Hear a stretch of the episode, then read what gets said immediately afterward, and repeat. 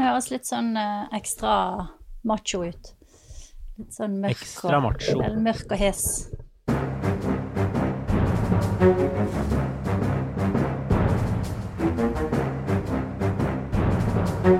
Supert. Da kjører vi på med en ny episode av Aftenpodden USA. Som vanlig med oss fra Frogner i selveste Oslo er Kristina Pletten. God dag, god dag. Hei, Øystein. Eh, vet du, jeg har vært og trent i lunsjen i dag. Jeg er ganske stolt av det. Og så har jeg spist is etterpå for å, for å liksom veie litt opp, da. Så nå sitter jeg her og er litt rød i ansiktet, som du kanskje ser. Ja, fine roser i kinnene, og du ser veldig sånn happy ut. Smiler uh, usedvanlig mye. Ja. Veldig Det er sommer, det er litt mindre korona. Det er mange ting å være glad for nå.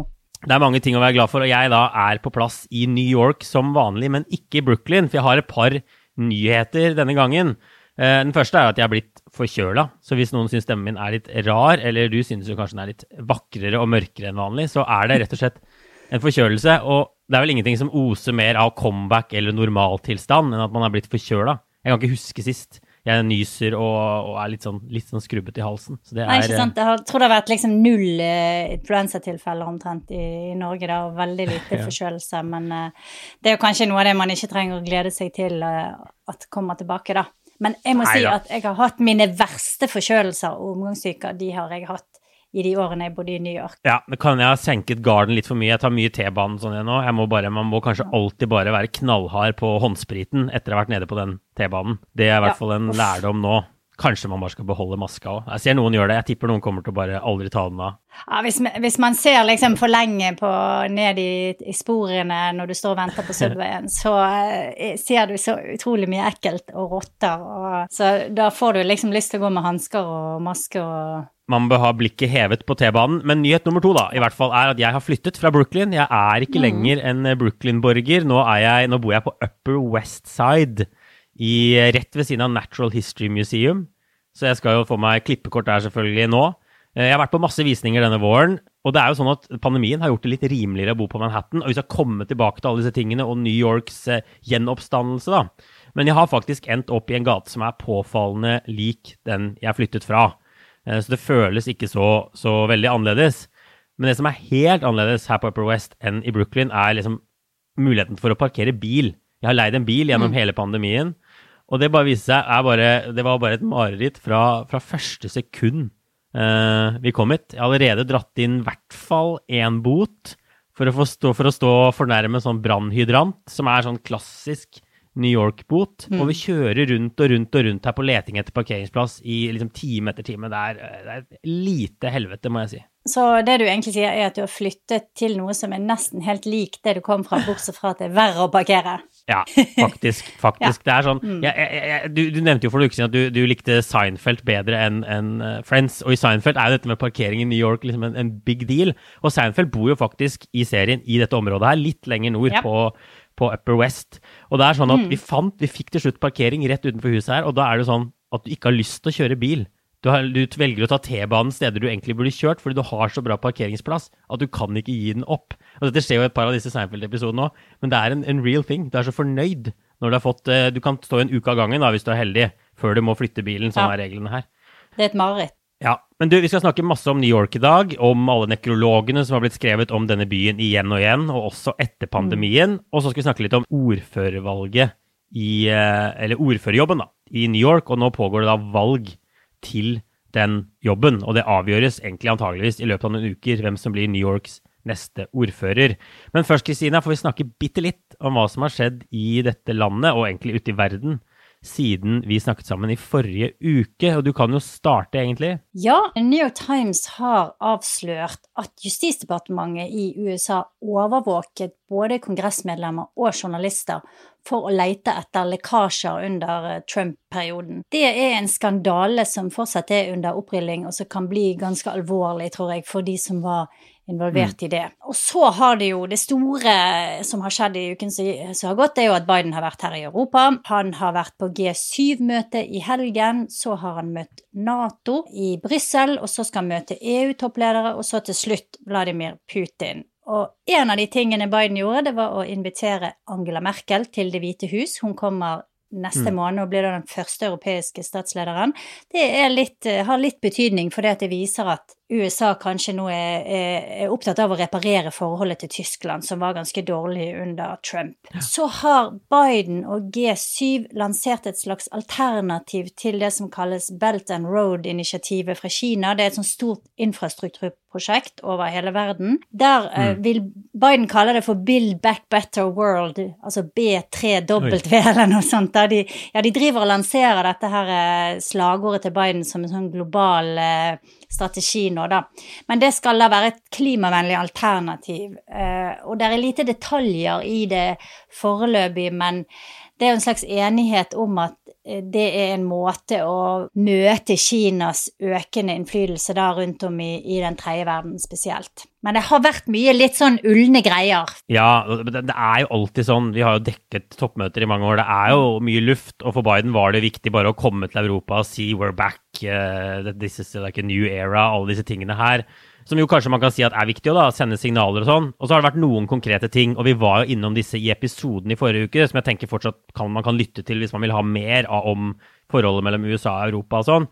Men de har jo bl.a. fått på plass denne, denne avtalen om en slags minsteskatt for selskapet globalt som, som, vi nevnte da, som jo mm. er, er, viktig.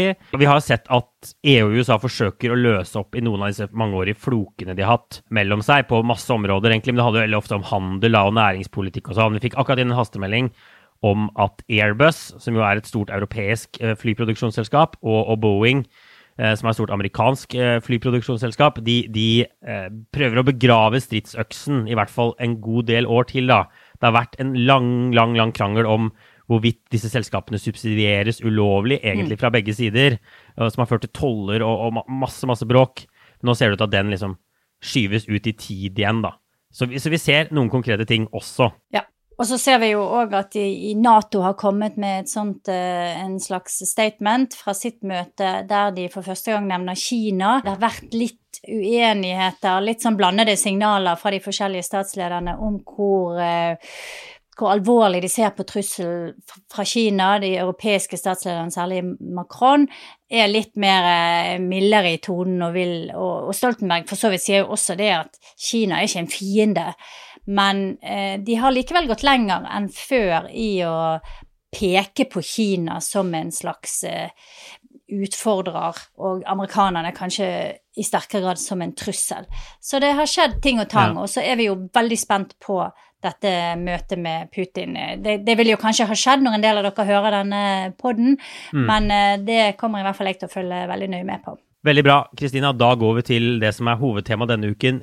New York, New York. Eh, jeg kan jo først spørre deg, er, det, dette din favorittby, egentlig? På en måte er det jo litt min andre hjemby. Jeg kjenner New York ekstremt godt. Jeg har sikkert til sammen bodd der en, kanskje en 13-14 eh, år. Så jeg jeg har litt sånn elsk-hat-forhold til det. Det er mye som irriterer meg enormt mye med New York, blant annet eh, de humpete veiene. Altså sånn derre eh, den utrolig elendige ja. infrastrukturen. Når jeg bodde i, i, Brooklyn, i leiligheten som du overtok, så tok det ofte en hel time å komme seg til eh, et sted på Manhattan med denne skranglete undergrunnen. Så det er en del ting som, som er frustrerende, men så er det en masse ting med New York som er helt fantastisk. Og det er jo en by som liksom du aldri blir helt ferdig med. Altså du kan eh, alltid oppdage nye ting, nye områder. Hvis du, hvis du, går litt sånn utenfor der som alle mm. hele tiden er da, så kan du, du kan liksom oppleve egentlig hele verden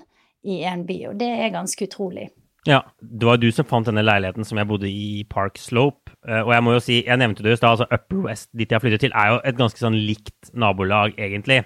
Dette, vel, altså dette er jo blant liksom, de aller fineste nabolagene i New York, også sånn hvis man ser på priser. Uh, og det var jo faktisk interessant nå at jeg har brukt en del tid på disse visningene, at det nesten er billigere på Manhattan en del steder. New York Times har også hatt en sak om det, at prisene på Manhattan har falt såpass mye at folk flytter nå.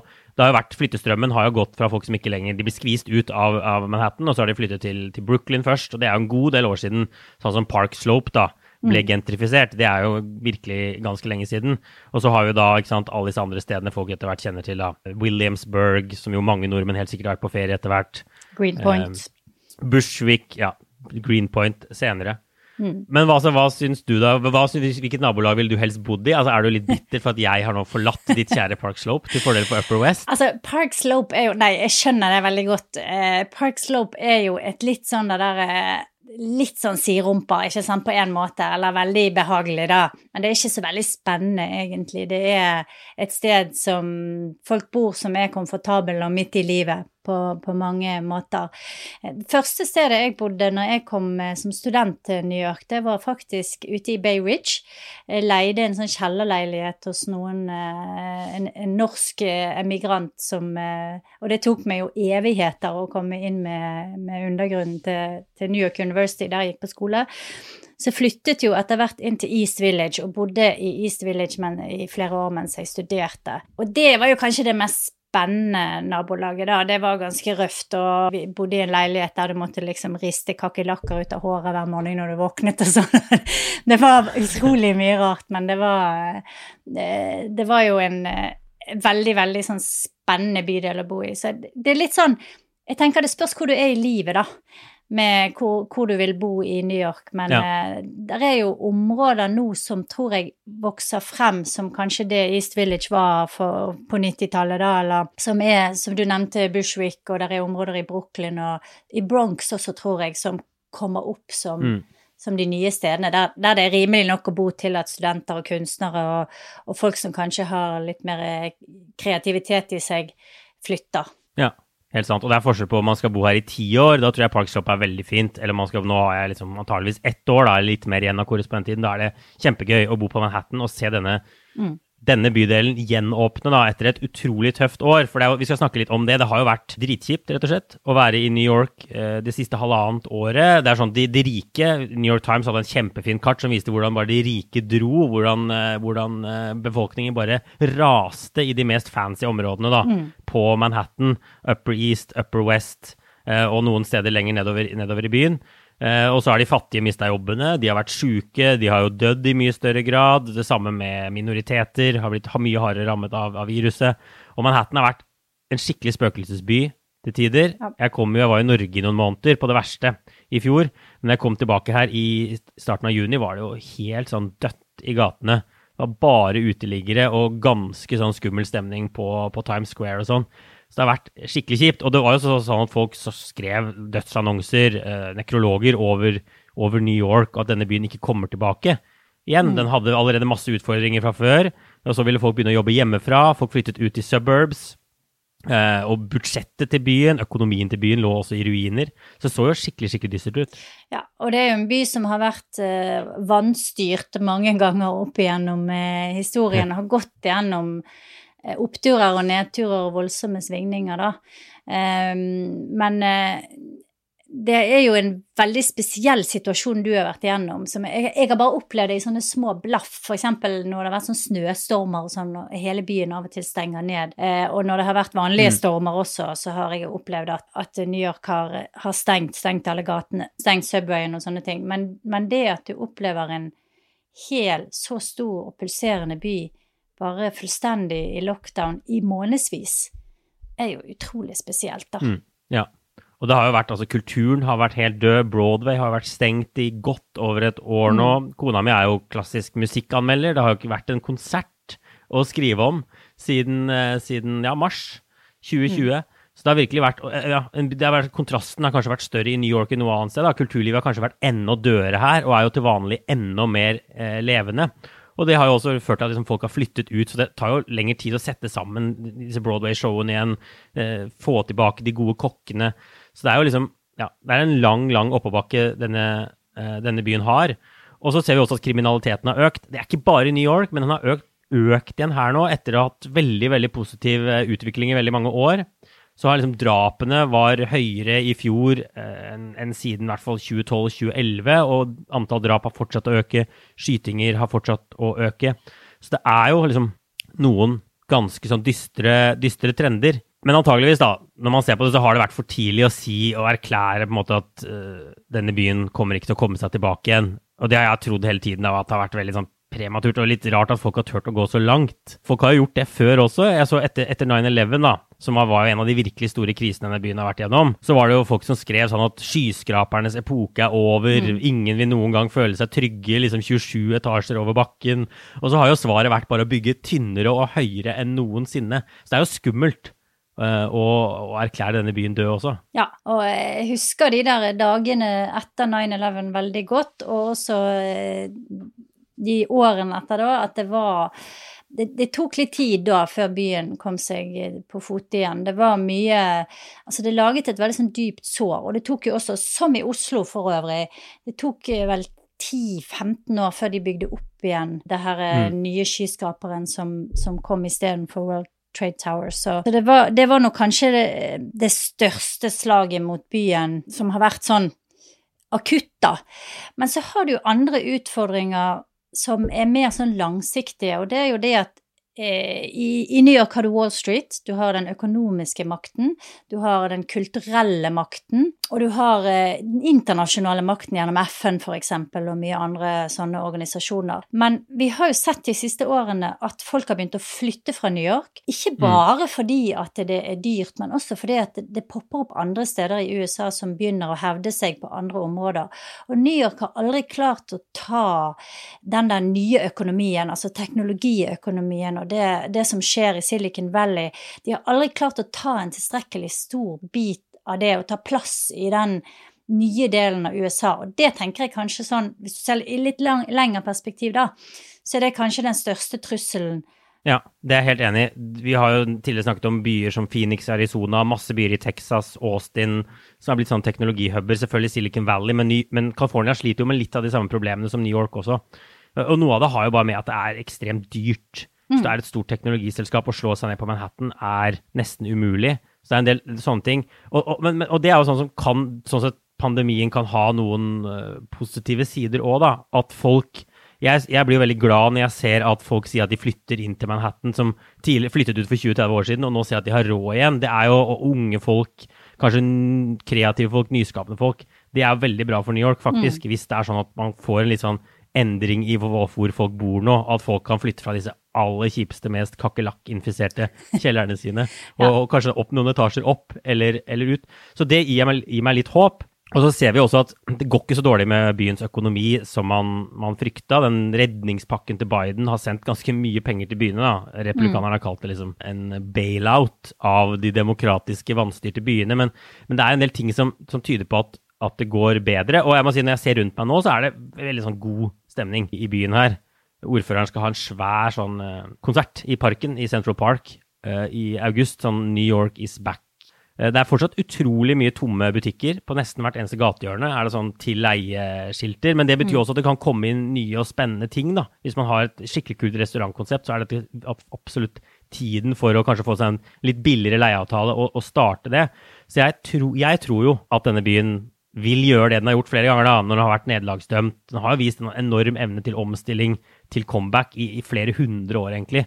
Den har hatt en helt sånn unik posisjon i, i USA, ja. gang på gang på gang. Absolutt. Eh, Manhattan ble jo eh, solgt, eller kjøpt av eh, nederlenderne for 24 eh, dollar i, i 1626. Eh, de, de kjøpte en fyr som heter Peter Minuit jeg kjøpte han fra indianere for 24 dollar og noe perler og, og noe sånt lureri. Så det er jo, The Manhattan Purchase er jo kjent som eh, den beste handelen fortsatt i verdenshistorien. Det brukes jo som sånn uttrykk, da. Men ja. eh, jeg tror at det Manhattan har som, og, og New York har som, eh, som kan gjøre at den, at den kan komme tilbake også gang på gang, på gang, det er jo også noe med den fysiske formen av byen. Du har det der Manhattan ja. som ligger i midten med dette veldig karakteristiske gatenettet sitt, som gjør byen veldig effektiv. Og, eh, og så har du de andre bydelene rundt, der, kan, har, der det er ganske god plass. Queens, for eksempel der jeg for øvrig også mm. har bodd, men der du har eh, ja. sånne nabolag fra all mulig Altså du kan finne liksom et nabolag med bare folk fra Nepal eller fra et eller annet fjernt land i, i Sør-Amerika, altså hvor som helst nesten, så har de sin egen lille koloni, Queens. Så du har eh, en by som er bygd opp fysisk og på en måte mentalt, da, til å romme veldig mye. Og det mm. gjør mm. også at det, jeg tror at det er veldig sånn kort vei fra tomme butikklokaler til at noen prøver seg med noe nytt. Og det er veldig stor takhøyde for å forsøke nye ting. Folk, hvis det dukker opp noe med en, en eller annen matrett som ingen har hørt om, så, så vil folk prøve det, og de vil De er liksom Newyorkere er Det er hele byens sjel, da. Det er å være søkende og være opptatt av uh, å prøve nye ting, og det gjør jo at en alltid kommer seg på beina igjen. Men så vil jeg jo bare nevne også at jeg sa nå i sted at eh, den har mistet en del makt, men har også fått mye politisk makt de siste årene. Eh, jeg laget en liten liste for meg sjøl her før vi begynte med eh, hvem, hvem, som er fra New York av de, de mest profilerte politikerne i dag, og det er jo en hel haug med folk, men Chuck Schumer, for eksempel, som leder Senatet, mm. han er fra Park Slope, Brooklyn. Bernie Sanders er oppvokst i Brooklyn. Donald Trump, oppvokst i eh, Queens. Alexandria Ocasio-Cortez, eh, også fra, fra, Queens. Og du har Elise Stefanik, som er hun som ble satt inn istedenfor Liz Cheney i huset, i lederskapet i huset. Hun er fra Staten Island. Uh, Hillary, for republikanerne, da. For republikanerne, si Så du har fra begge partier. Uh, Bloomberg var jo en uh, presidentkandidat, er fortsatt en viktig fyr i, i, det demokratiske partiet. Så du har veldig, veldig mye politisk tyngdekraft i New York. Kanskje mer mm. enn en jeg kan huske, liksom, fra de, i hvert fall de siste sånn 30 årene, da. Og det er jo litt spesielt. Ja. Getting engaged is a moment worth cherishing. A one of a kind ring that you design at Blue Nile can help your love sparkle. Just choose your diamond and setting. When you've found the one, you'll get it delivered right to your door. Finding the right engagement ring can be nerve wracking. At Blue Nile, you'll have the expert guidance needed and a diamond guarantee that ensures you're getting the highest quality at the best price. Cherish all of life's moments and save up to 30% at BlueNile.com. That's BlueNile.com. Ryan Reynolds here from Mint Mobile. With the price of just about everything going up during inflation, we thought we'd bring our prices down. So to help us, we brought in a reverse auctioneer, which is apparently a thing. Mint Mobile unlimited premium wireless. Ready to get 30, 30, bit to get 30, bit to get 20, 20, 20, bit to get 20, 20, bit to get 15, 15, 15, 15 just 15 bucks a month. So, Give it a try at mintmobile.com/switch. slash $45 up front for 3 months plus taxes and fees. Promo rate for new customers for limited time. Unlimited more than 40 gigabytes per month slows. Full terms at mintmobile.com. Helt klart. helt klart. Så Hvis vi bare ser det store bildet nå, da, åpenbart at New York har en del utfordringer. Særlig kriminaliteten skaper en del bekymring nå. Det kan jo skremme både turister og folk fra å flytte tilbake. Så det er det åpenbart at de, de, må gjøre noe med. da, Men det er en ganske god stemning nå. Det er mye som tyder på at denne byen kan komme tilbake. Og så er det noen andre utfordringer som du sier, med tech-arbeidsplasser og alle disse tingene her som de må, må deale med. Og det er det jo nå en gjeng som stiller til valg og som sier at dette skal vi prøve å fikse med ganske sånn ulike plattformer, men det er altså ordførervalg i New York nå, som jo er en, bare, si, en ekstremt mektig jobb. En av verdens største og viktigste byer, som han da styrer over. Eh, det er også blitt kalt USAs nest vanskeligste jobb. For det er ikke sånn at man nødvendigvis blir sånn superpopulær av å ha denne jobben. Mannen som nå har jobben, da, Bill de Blasio, er virkelig, virkelig upopulær. Altså det tar Både demokrater og republikanere de er kjappe med å bare totalslakte den jobben han har gjort. Han forsøkte seg vel som presidentkandidat mm. uten å få noe som helst vind i, i seilene. Om man ser på andre ordførere, da. altså har vi, Du nevnte Bloomberg, Rudy mm. Giuliani, som jo var republikaner eh, og Trumps advokat. De har jo også vel, vel, forsøkt seg, noen av de, som presidentkandidater. Bloomberg nå, nå sist.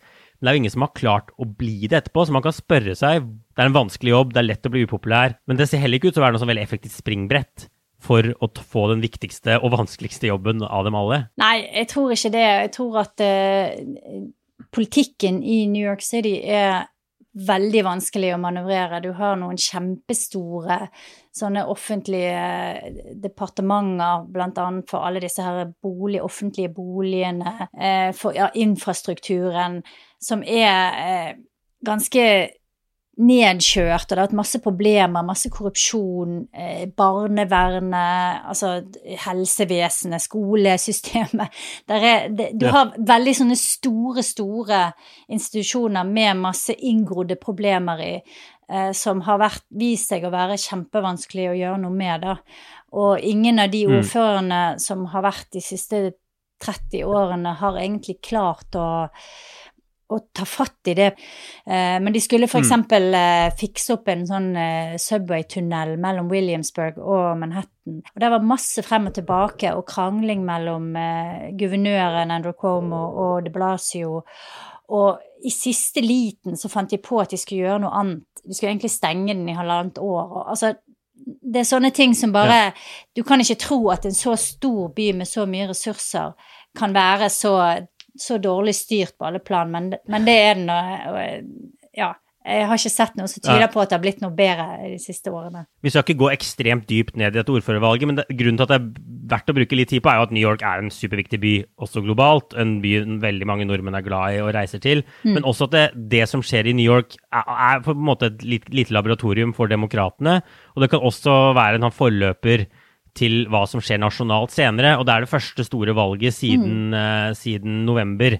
Da f.eks. de Blasio vant forrige gang, han har sittet i to perioder nå, så, så han, han ble sett på som en kandidat for venstresiden, og som en litt sånn forløper til Bernie Sanders' sterke resultat da i 2016 i primærvalgkampen mot, uh, mot Clinton. Så man kan uh, le, sikkert lese en del ting ut av lese en del ting om USAs politiske trender da, ut av dette valget. Det er derfor det er liksom, blir gøy å se akkurat dem som stikker av med, med, med seieren.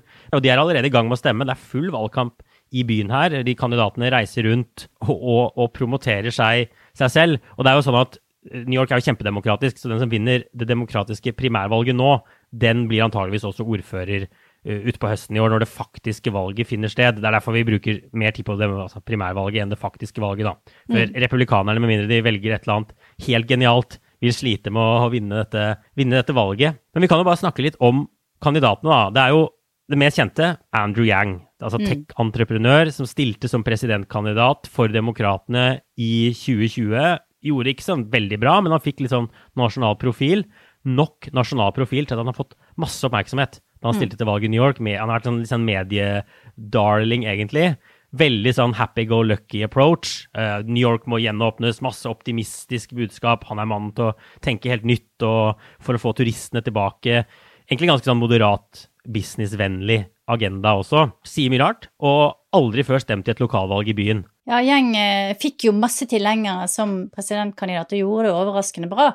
Eh, og en av grunnene til det er jo at han har tatt mange av disse ideene, bl.a. borgerlønn, som eh, er veldig mange sånne litt yngre tech-mennesker, hadde jeg nær sagt, er opptatt av, da, og, eh, og, og fremmet de som en veldig viktig del av sin plattform. Så han har en slags sånn lib liberalistisk eh, eh, plattform som vi kanskje ikke har sett noen demokrater fremme så effektivt før. Så jeg tror at han er litt sånn, også et litt sånn signal om hva demokratene har i vente fra den kanten. At det vil komme noen som utfordrer både de tradisjonelle demokratene og Bernie Sanders-fløyen med en slags sånn tredje, tredje vei, da. For å stjele Tony Blair sitt gamle uttrykk. Han ledet klart på målingene lenge. Målingene er litt sånn uklare. Det er veldig veldig sånn vanskelig å lese bildet, da. Men, men nå ser det ut som han har gjort det litt dårligere når skruen har blitt skrudd til. Han har fått mye mer eh, fokus på seg selv, på hva han faktisk vil gjøre. Og disse andre kandidatene har greid å heve mm, sin profil litt. Og vi sa jo altså, USAs nest vanskeligste jobb. Det, folk står i kø for å få denne jobben likevel, på demokratisk side. Det er en haug med kandidater.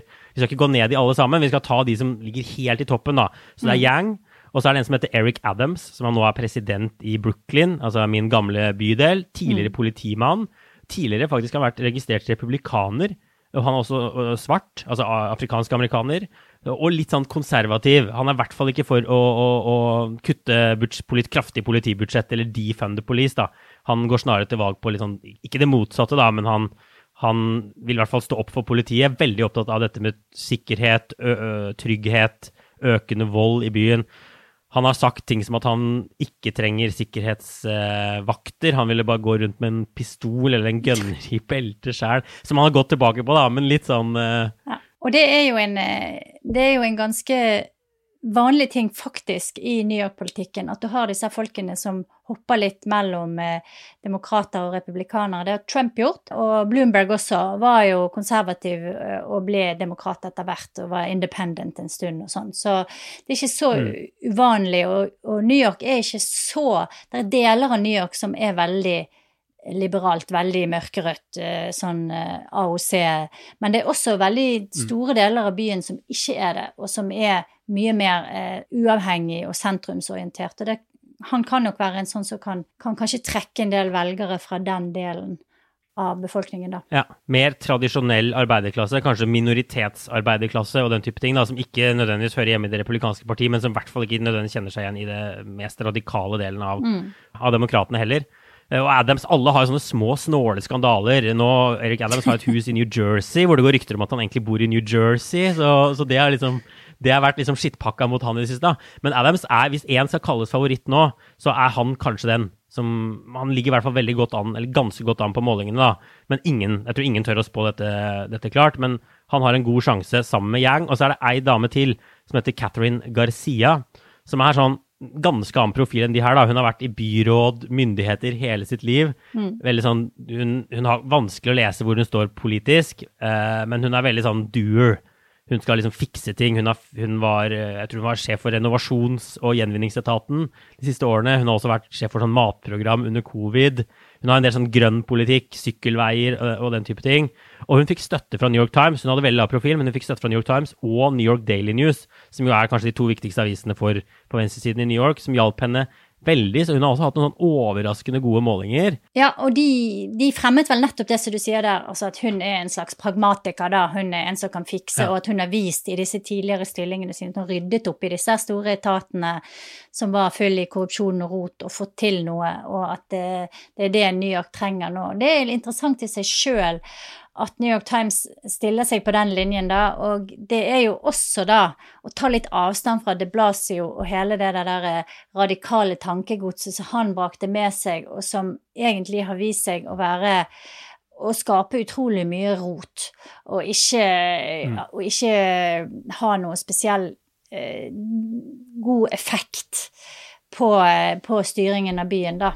Så det, det er et interessant Nei. valg fra New York Times, syns jeg, at de støtter henne. Ja, og, og, og, det vi ikke har nevnt her, er jo kandidatene fra den ytre venstresiden. Og de finnes, men de har slitt veldig med å stokke bena den gangen her. Uh, det har vært noen ulike skandaler, det er masse grunner til det. da. Nå har hun, altså AOC støttet ei som heter Maya Wiley, som ser ut til å gå litt frem. Men de har, måte, det har vært veldig sånn pulverisering av, av disse stemmene. Og det ser ikke ut til at de kommer til å gjøre et sånt brakvalg, og det ser ikke ut til at de kommer til å få ordføreren. Og hvis man skal liksom trekke noen linjer tilbake til Biden, da, så er jo både Yang, Adams og Garcia relativt moderate, og det ser ut til at alle kan gjøre det relativt, relativt godt. Og, og, og Garcia kjører jo egentlig litt sånn, litt sånn Bidensk sånn jeg er den erfarne, tunge dueren som skal fikse opp i ting, som kjenner systemet innenfra, og, og ligner veldig på den kampanjen Biden, Biden førte, da. Og som mm. igjen, hvis demokratene velger en sånn kandidat, så, så, har de jo egentlig valgt liksom, noe ganske sånn sentrumsorientert og si, kjedelig i hermetegn, istedenfor det mer sånn spreke valget. Og det er litt sånn overraskende etter Trump-perioden, hvor man forventet at de kanskje ville på en måte havne i den andre grøfta da, og velge noen fra den ytre venstresiden. Så, så ser det ut til de går for litt mer sånn ja, middle of the road-folk. Ja, men eh, det kan jo også tenkes at det de Blasio har hatt liksom litt sånn nesten litt sånn Trump-aktig fremtoning. Han har vært grådig frekk i kjeften, for å si det på bergensk, og, og, og vært veldig sånn eh, konfronterende. Eh, og, og, skapt mye sånn bruduljer rundt seg sjøl. Og kanskje det, det, har også noe å si, da, eh, rent bortsett fra mm. politisk ståsted, at man ønsker seg noen eh, som er litt sånn, kan roe ting litt ned, og bare ja. få liksom hjulene i gang igjen. Ja. Jeg tror, det, jeg tror, det, er sant. Det er interessant observasjon. Det, det, du, altså, det kan godt hende at hun fra ytre venstresiden vinner. Jeg, jeg, tør ikke å spå noe her, for dette er så åpent. Og de har også et mhm. helt nytt valgsystem i år, som de innfører i flere og flere stater i USA, hvor du skal rangere kandidater. Du kan stemme på fem kandidater. Førstevalg, annenvalg, tredjevalg, fjerdevalg, femtevalg. Som gjør at hvis du stemmer på en, da kan du stemme på den kandidaten du liker best i første runde. Og hvis det er en kandidat som ikke har sjanse til å vinne, så kan du likevel stemme på den. Så kaster du ikke bort stemmen din, for da forsvinner den kandidaten etter en opptellingsrunde, og så ser de på ditt andre valg, da, f.eks. Som også er tanken at det skal tjene folk som er moderate, da, og appellere litt bredere. Og vi ser også f.eks. Eric Adams. Mange folk har sagt f.eks.: Jeg vil stemme på den og den som mitt første valg, men så sier de men jeg vil ha Adams som andre valg som ses på som superviktig for han. Så han kjørte ut en svær reklame her om dagen hvor han sier disse og disse vil ha meg som andrevalg enda de har, har, valgt mye mer radikale kandidater som førstevalg. Og så sier han 'I'm endorsed by these people', og står med kjempeliten skrift som andrevalg. Ja, uh, smart. Ja, Det betyr at det kommer til å ta lang tid å stelle stemmer. New York er jo notorisk trege på stemmetelling. Presidentvalget er jo så vidt ferdig telt opp i den byen her. Så vi får nok ikke resultatet 22.6, med mindre én kandidat vinner bare med helt sånn utrolig uh, stort flertall. Så det kan komme ut i juli, det sier folk. Eh, så det er derfor det passer bra å ha denne episoden her nå, for dette blir ikke avklart med det første. Mm. Så vi skal være forsiktige med å spå, men det ser ikke ut til å bli en hvit mann på 50 pluss. Og det vil også være første gang på en god stund. New York har hatt en svart uh, borgermester, men ellers har det vært utrolig mye hvite menn, da. Uh, og Andrew Yang er jo da asiatisk-amerikansk, Garcia er en kvinne, Erik Adams er svart. Wiley er også minoritetskandidat. Så det er jo et nytt kapittel. David, David Dinkins var vel siste fargede ordfører på slutten av 80-tallet. Jeg tror han var ordfører da jeg flyttet til, til, New York i 1990, faktisk. Ja. Ikke en spesielt god ordfører, må jeg få lov å si også. Nei, og ble heller ikke president etterpå. Nei. Spring, is that you? Warmer temps mean new Allbirds styles. Meet the Superlight Collection, the lightest ever shoes from Allbirds, now in fresh colors. They've designed must have travel styles for when you need to jet. The lighter than air feel and barely there fit make these shoes some of the most packable styles ever. That means more comfort and less baggage. Take the super light tree runner on your next adventure. Its cushy, lightweight foam midsole supports every step, and the extra outsole traction gives you the grip to just go for it. The eucalyptus fiber upper adds next level breathability to keep you going all day. Plus, the Superlight Tree Runner is comfortable and ready to go right out of the box. So, what can you do in a superlight shoe? What can't you do is the better question. And because they're super packable, the real question is, where are you taking them? Experience how Allbirds redefines comfort. Visit allbirds.com and use code SUPER24 for a free pair of socks with a purchase of $48 or more. That's A-L-L-B-I-R-D-S.com, code SUPER24. Ok, du, jeg tror vi skal sette strek for vår lille New York-runde eh, denne gangen, og så gå over til litt obligatorisk refleksjon. Hva har du tenkt på siden sist, Kristina? Jo, Altså, her er jo alle nå opptatt av fotball-EM. Det er det som preger både meg og resten av, eh, av oss her hjemme. Eh, vi ser på fotballkamper eh, døgnet rundt, og i helgen så var det jo en veldig dramatisk situasjon der det var en dansk spiller, Christian Eriksen, mm. som kollapset på banen. Men det som jeg syns er interessant, da, det, og jeg har tenkt på dette mange ganger før, men jeg gikk inn på Twitter for å se litt sånn hva folk skrev om det og sånn, og så ser jeg da at det kommer tweets fra hele verden bortsett fra i USA. Der er det ingen som får med seg eh, at det har skjedd, ikke sant. Det er, det er som et sånn alternativt univers. Det er en egen liten boble. Og jeg har tenkt veldig mye på dette her hvor isolert amerikanerne er i sin informasjonsboble. Mulig jeg har snakket om det her på poden før, men det, var, det, ble så veldig tydelig. For amerikanerne har jo også sine egne sporter. Det er veldig, mm. det, det, er veldig få sporter eh, USA er i hvert fall sånn ordentlig interessert i amerikanere, der det er noe andre enn amerikanere som deltar. Sånn, ja. Det er baseball og football og, og, og, ishockey og disse her tingene som de holder på med. Og så har de liksom eh, sitt eget univers når det gjelder media og kultur, og, og for, utrolig lite input utenfra. Det ble så veldig, veldig synlig akkurat i den Twitter-feeden når hele verden snakket om hva skjer med Christian Eriksen, mm. og, og, ønsket han lykke til og sånn, og amerikanerne bare var helt Det, de, de hadde ikke liksom sivet inn der engang. Så, så jeg, jeg, tenker mye på det der og lurer på det. Av og til så føles nesten som litt sånn Nord-Korea-aktig, ja. sånn, men, men selvpålagt isolasjon, da. Men jeg, jeg, lurer liksom på om det om det vil sprekke opp etter hvert, eller uh... Ja, det har vært noe dekning av fotball EM, altså. E, og nå er det EM og ikke VM. Og, og, fotball De har jobbet hardt i dette landet her med å få øke fotballens synlighet. Og jeg tror Gallup har noen sånne målinger. Den er på vei opp, liksom. Altså, det er mer interesse for europeisk fotball. Jeg tror Donald Trump fikk installert en liten, liten fotballbane til sønnen sin. Altså en europeisk fotballbane i Det hvite hus. Så det viser at ting går fremover. Og jeg så på CNN, det var et segment, det var et kort segment hvor de nevnte han eh, Eriksen. Og det som skjedde på banen der. Men det er jo bare så utrolig dramatisk at det skulle på en måte bare, bare mangle, ja. Men det er en lang, lang vei igjen for fotball i USA, men jeg tror det går fremover. Så kanskje, Ja, kanskje. det blir eh, Vi får med liksom, Det hadde vært veldig gøy. Alle drømmer jo om det å ha med sånn, altså få USA til å satse, gå all in på fotball og få fram et av verdens beste fotballag. Det ville jo vært utrolig gøy. Ja.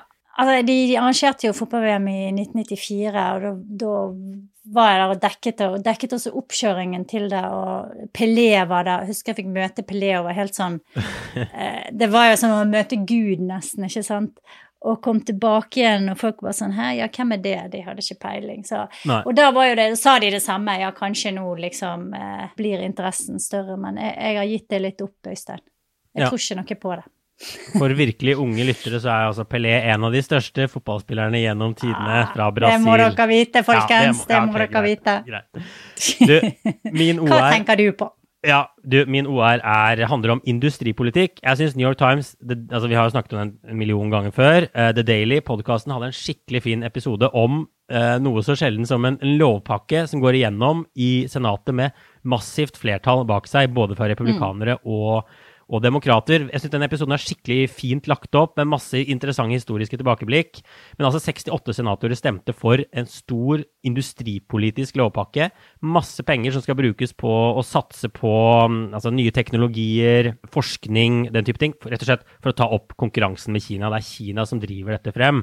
Eh, man får med seg en god del republikanere på en liksom, massiv statlig inngripen i næringslivet og i forskningen. Noe som jo strider veldig mot de gamle kjerneverdiene til det partiet. Og de gjør et tilbakeblikk til eh, 70-, 80-, 90-tallet med, med Japan, hvor de sleit med å få til lignende ting.